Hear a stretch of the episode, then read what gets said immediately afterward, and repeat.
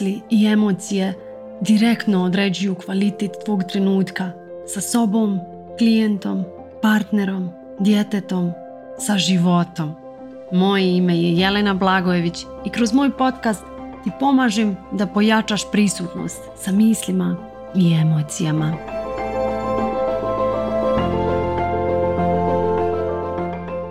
Pozdrav, da li se čujemo?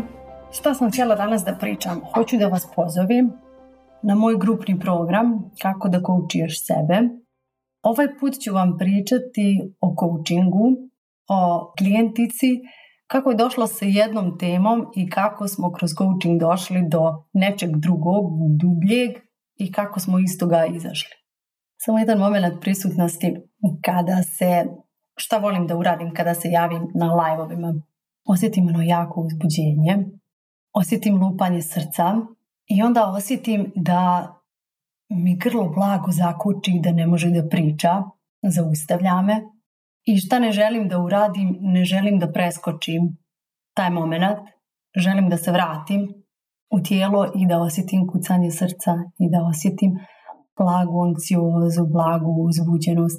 Samo da dodirnem ovaj dio tijela koji je trenutno aktivan, da mu dam do znanja da je ok, da je na sigurnom, da sam tu jer želim da bude da ne mora da se brine šta će neko reći, šta će neko pomisliti. Čisto da dam do znanja ovom dijelu tijela da smo ok.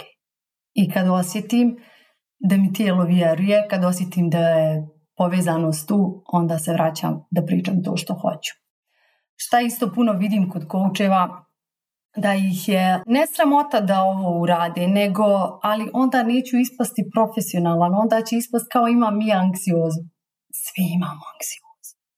Zašto bismo krili da imamo anksiozu? Ja jako rado podijelim da imam anksiozu i jako rado podijelim šta radim sa njom.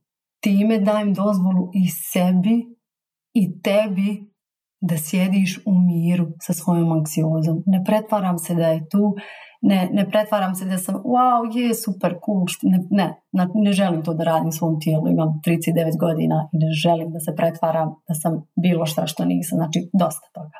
Tako da, e, sad u ovom trenutku sad i glas već ono svoj, u tijelu imam dozvolu da pričam i sad mogu da pričam. Eto, toliko traje, toliko traje sjedenje u emociji, u nelagodi. Jer anksioza jeste nelagoda. Ne, neudobno je nekako tjerati da se pokreniš ili da pobigneš, da uradiš nešto, da je riješiš i da nestane. Kad joj kažem čujem te, slušam te, ne plašim se tebe, ne moraš požuriti da izađeš, dajem joj do znanja da pripada mom organizmu, da je prihvatam, da sam voljna da je čujem, da me ne ugrožava, da je se ne plašim i kad moje tijelo to osjeti, anksioza se povlači. Anksioza je bila tu da me upozori, hej, radiš se, pripremaš se da radiš nešto nelagodno, pripremaš se da se javno pojaviš, pripremaš se da javno pričaš. Tamo neko bi mogao da pomisli da nisi dovoljno dobra, da nisi dovoljno, da nešto nisi dovoljno. E, na to me anksioza upozorava. Kad validiram da sve to postoji, dozvoljeno mi je da krenem dalje. Od koga dozvoljeno? Ne od Vrhovnog suda, dozvoljeno od mene. O čemu danas pričam? O jednom coachingu koji je bio jako zanimljiv. Klijentica je došla i to sam zapisala, to ću vam pročitati. I kaže mi, zašto jedan dio mene toliko želi, toliko je ambiciozan, a drugi ga koči? Boji se, ne zaslužuje. Kako da se krećem kada me ovaj dio toliko koči? I rekla mi je, snimila sam 50 videa. Nijedan ne mogu da okačim, ne mogu da ga objavim. I onda sam je pitala, dobro, ne možeš da objaviš video koji imaš misli u trenutku kada, kada kreniš da objaviš video. I kaže, znači, imam četiri misli. Četiri misli joj ne daju da se pojavi. Prva, neću da smetam. Druga, šta sam ja tu svaki dan. To ljudi već znaju. I zadnja, nije ništa posebno. Koliko svako od nas ima ove misli. Prepoznaj kod sebe kad imaš ove misli i da li dozvoliš da te okupiraju, da li one preuzmu i ne uradiš to što si pošlo da uradiš. E sad, kako ja kao kuć razmišljam kad mi ona kaže gdje ja ovdje osjetim težinu? Zašto jedan dio mene toliko želi ambiciozan, znači osjetim želju, osjetim lakoću, a drugi dio ga koči, boji se, ne zaslužuje. U tom trenutku ja stavljam tegove na tu želju. I sad je moj zadatak da otkrijem odakle joj dolazi, ti tegovi. I gdje idem? Kad mi ona kaže kakvu sliku ja mogu da napravim u svojoj glavi, imam želju, ali na njoj su tegovi. Imam ambiciju, ali ovaj dio mene me koči. Ja mogu da zamislim jednu rođendansku proslavu i jednu rođendansku želju jedne djevojčice koja govori ili čak ni ne govori želju i onda roditeljski glas kao kočnica to povuče dole to osjetim kod sebe i sad idem da istražim da li je tako. I pitam je, možeš li mi reći na koji način ste proslavljali rođendan? I ona kaže, slavili smo ga u Meku i bilo mi je dozvoljeno da naručim jedno i drugo, ali mi nije bilo dozvoljeno da naručim tortu koju sam željela.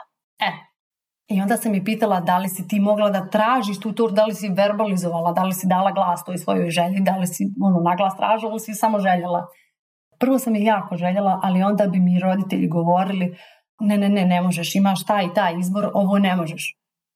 Šta si dobijala od roditelja kada bi ti rekli da nije dozvoljena torta? Pa dobijala sam da sam pogrešna što želim i da je do mene što želim i da ovdje nema prostora za moju želju i da je vrijeme da ugasim tu želju. E pazi sad paralelu sa ovim ambicijama i sa kočnicom. Znači kako ima ambicije, više sebi nagovara da smanjuje ambicije jer je kočnica vuče ka dole. Ne može da prati svoju ambiciju jer je ovaj glas ne zaslužuješ tu tortu, imamo budžet za ovoliko, nemamo za tortu, pritome ne koristi te riječi nego joj daju do znaje da je ona pogrešna i posramljuju je jer želi tu tortu. Coaching ti pomogne da povučeš iz prošlosti moment koji si sama nesvjesno vratila u sadašnji trenutak i zašto ne možeš da izbaciš jedan obični video. Koliko je sve povezano. I kako bi izgledalo da su na svjestan način roditelji to uradili u djetinstvu? Naš zadatak kao roditelja je da smo uvijek u timu našeg djeteta. Protiv zadaće, protiv, ne znam, eto, protiv budžeta, protiv mi smo uvijek ti koji nalazimo način kako da razumijemo dijete i da razumijem da to želiš i ja bi to željela, uh, ja bih jako željela tu tortu, pričaj mi kakvog je ukusa, zašto želiš tu tortu, da, mm, sve super, razumijem. Ali vidi, šta možemo da uradimo? Imamo budžet toliki i toliki i ono izaberi da li želiš tortu i ovo ili tortu i, i ništa drugo. I dogovaramo se sa djetetom, ali važno je da dijete osjeti da smo na njegovoj strani, da smo 100% na njegovoj strani i da smo spremni i voljni da ga čujemo i saslušamo. E, ovaj dio nismo imali kao djeca. I ovaj dio sad kao odrasli ne znamo kako da damo sebi. Ne znamo kako da budemo u svom timu, nego budemo protiv sebe. Imaš visoke standarde, imaš prevelike želje. Kakva ti je to želja? zaboravi na tu želju. Na taj način sa sobom razgovaramo. I gle kako je povezano sa ove rečenice sa videima. Neću da smetam. Ova rečenica, kad ti se javi ova, ova rečenica ima 30 godina. Mi smo na moru bili ljetos i e, ja sam bila sa svojom djecom, prijateljica je bila sa svojom djecom, znači nije bilo muževa. I dođe za vikend moj suprug i znači sva naša su djeca zajedno svaki dan i došao je suprug za vikend i dolazi njena djeca, zalijeću se na nas i ono, svi smo tu zajedno, a mama djeci govori nemojte prilaziti, nemojte da smetate, prilaziti, nemojte da smetate. E, ovo je moment, neću da smeta. Djeca ne osjećaju da smetaju, nemaju pojma da smetaju, misle da pripadaju, osjećaju da pripadaju. Igrali smo se svaki dan, ono, što bi smetali? Nemaju uopšte taj pojem da nekom smetaju. Zašto bi smetali? Samo se igramo, samo uživamo odrasli glas kome je već prije toga rečeno da je smetalo, sada dolazi svojoj djeci i govori smetat, smetate. I tada se razvija kod nas osjećaj da smetamo i da ne pripadamo i da bismo se trebali povući, da nam nije tu mjesto. I odatle dobijamo utisak da ako objavljujem svaki dan, da smetam. Kome smetaš? taj tamo može otići ako mu smetaš. Ono, nek ide. Nek ide. Ja sam tu da radim ono što želim. Ako ne želiš da budiš sa druge strane, ni ja ne slušam, ni ne gledam videe koji mi ne prijaju. I ti isto tako možeš da ne slušaš i ne gledaš videe koji ti ne prijaju. Da li ću zbog toga ja prestati da objavljujem? Ne. Toliko jednostavno.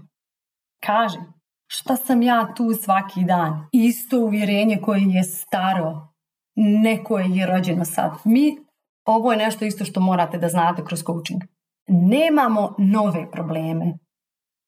Dešavaju se nove situacije, ali na njih reagujemo iz starih uvjerenja. Iz tih uvjerenja ja smetam, previše sam, ne bi trebalo da sam takva.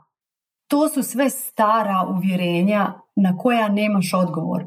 Baš sam pričala o rečenici, došla mi je klijentkinja i rekla je nešto radim pogrešno, osjećam da nešto radim pogrešno. To nije konkretna rečenica, to je staro uvjerenje. Šta znači nešto radim pogrešno? Pazi, ti nemaš u tom trenutku nikakvo uputstvo kako da to nešto koriguješ ako je ispred tebe stvarno nešto što je potrebno da uradiš, da nešto popraviš, da pomogneš djetetu nešto, znači ti tačno znaš koje korake je potrebno da uradiš da bi djetetu pomogao. Da sastavi lego se, da ura... kad je konkretna radna ispred tebe nema ti misli nešto radim pogrešno. Ali kad pišeš, na primjer, landing page, kada radiš e, te radnje u kojima si autentičan, tad će se javiti glas nešto radim pogrešno zato što si dobijao ponovo taj glas kad si bio mali. Usko je povezan sa rečenicom što si takva. Nemoj biti takva. Aj prestani biti takva. Svako od nas je slušao iznova i iznova tu rečenicu. Šta nam je ona govorila? Takva kakva? Kakva da ne budem? Aj nemoj biti takva samo mogu zaključiti takva pogrešna, ali opet nemam uputstvo kako da prestanem biti takva. Šta znači nemoj biti takva? To znači da roditelj sa druge strane u tom trenutku nema kapacitet da prihvati to što jesi. Da prihvati možda ako si u jakoj emociji, ako te je obuzela tuga, ako te je obuzelo nešto za što roditelj u tom trenutku nema kapacitet. Ali pazi, roditelj ne govori ja ne znam šta da radim, u ovom trenutku. Ja se osjećam bespomoćno u ovom trenutku. Pomozi mi kako da ti pomognem. Ja nemam kapacitet za tebe u ovom trenutku, nema toga. Nego samo osjeća nelagodu i ne zna da sjedi sa svojom nelagodom, ne zna da je reguliše, nego je smiruje tako što kontroliše vanjske okolnosti, tako što kaže što si takva, nemoj biti takva istoga dijete dobija poruku pogrešno je ovo kako jesam, pogrešno je kako postojim, pogrešno je kako razmišljam, pogrešno je što radim, jer nije dobio konkretno uputstvo šta znači nemoj biti takva. Nemoj praviti možda uši na si zato što, ne znam, i to je konkretnije uputstvo nego nemoj biti takva. Jako toksična rečenica koja djeluje kao, ne znam, kao neka usmjeravajuća brižna rečenica, ali nije. Ok, vraćam se na rečenice od ovog klijenta. Kaže dalje, to ljudi već znaju. To ljudi već znaju. Način na koji mi pričamo o našim stvarima, da možda znaju, ali hoće li me to zaustaviti da kažem ovu rečenicu na moj način, iz mog iskustva, iz mojih proživljenih momenata gdje sam izašla iz nelagodne situacije u udobnu Pazite se ovakvih rečenica, to su rečenice koje su blokade, koje su stare, koje su stara uvjerenja. Nije ništa posebno. Još jedna rečenica koja je jako toksična. Nije ništa posebno. Roditelji nam nisu davali do znanja dok smo bili mali da smo dovoljni. I odatle smo dobili ponovo to uvjerenje da nismo ništa posebno, da ovo što radimo nije ništa posebno da bi trebalo da bude bolje, da bi trebalo da bude svjetlije, da bi trebalo da bude sve što nije u ovom trenutku. Znači jedna toksična laž. Umjesto da smo dobijali, kada bismo se pojavili u sobu, da smo dobijali one zvijezdice u roditeljskim očima, zagrljaj, pogled, dovoljno je samo zato što si se pojavila, a ne neki sljedeći zadatak, neku skloni to, pospremi to, uradi zadaću, ajmo dalje, ajmo na sljedeći cilj, ajmo na sljedeći cilj. Nije ništa posebno što je sad, ajmo na sljedeći. Mi bismo imali utisak da jesmo dovoljni. I ovo kroz coaching, ono, tako lako ljuštimo, tako lako ljuštimo, sloj po sloj i ostaje nam bukvalno taj osjećaj da jeste dovoljno ovako kako sam se sad pojavila, na ovaj način, da jeste dovoljno ovo što radim, ovako kako ga radi. I pazi kako je to oslobođenje, kako bi se pojavljivala da znaš da je dovoljno baš tako kako se pojavljuješ. Baš taj post koji si napisala da je dovoljno. Baš ta rečenica dovoljno. Baš taj reel dovoljno. Ne bi imala onaj filter da li je dovoljno ovo što radim. Kako mogu raditi. Dovoljno je baš tako kako jeste. Ok, dragi ljudi, Toliko u ovom live Pozdravljam vas i kako se možete prijaviti na program. U opisu profila imate prijavu. Vidimo se za par dana, u četvrtak počinjemo, družimo se sljedećih šest nedelja, dolazite sa svojim problemima koji djeluju obični kao što je ne mogu da snimim video, a onda ćemo ispod toga da otkrijemo šta je to što se stvarno krije koja je kočnica dublja, kako možemo doći do nje, kako možemo osvijestiti koju emociju pokušavamo da izbjegavamo, da izbjegnemo. Kao što, da, to nisam rekla. Koju emociju pokušavaš da izbjegneš ako nećeš da objaviš taj video? Pokušavaš da izbjegneš posramljenost. Pokušavaš da izbjegneš odbacivanje. Jer šta će se desiti ako se desi odbacivanje s druge strane? Posramljenost. Osjećaj posramljenosti. To pokušavam da izbjegnem kako mogu da sjedimo a da mi bude udobno u tom osjećaju posramljenosti. Pa to radimo na coachingu. Sjedimo u emociji. Kao da smo napravili jedan mali džakuzi sebi. Sjedimo i ne idemo vani. Ni da uzmemo čokoladu, ni da uzmemo čips, ni da uzmemo telefon da scrollamo, ni da platimo karticom nešto novo. Sjedimo u emociji. Šta znači biti alhemičar? Pretvarati metal u zlato pretvarati emociju koja je nelagodna, dozvoljavati joj da se istopi, grliti je i na taj način je transformisati u emociju koja je udobna. Kao da je ta neudobnost jedan mali oblačić, recimo posramljenost, tu je u tijelu, kao jedan oblačić. Jedan dio tebe nije ti okupirala cijelo tijelo, samo jedan dio. Meni bude tu, u grudima, a ostali prostor kao ono nebo, ogromno, ogroman prostor koji je u stanju da grli i drži tu emociju dok se ne istupi. To je to. To je umijeće sjediti u emociji i to ćemo da radimo detaljnije kroz coaching. Eto ga, prijaviti se možete u opisu profila i vidimo se. Prijatan dan!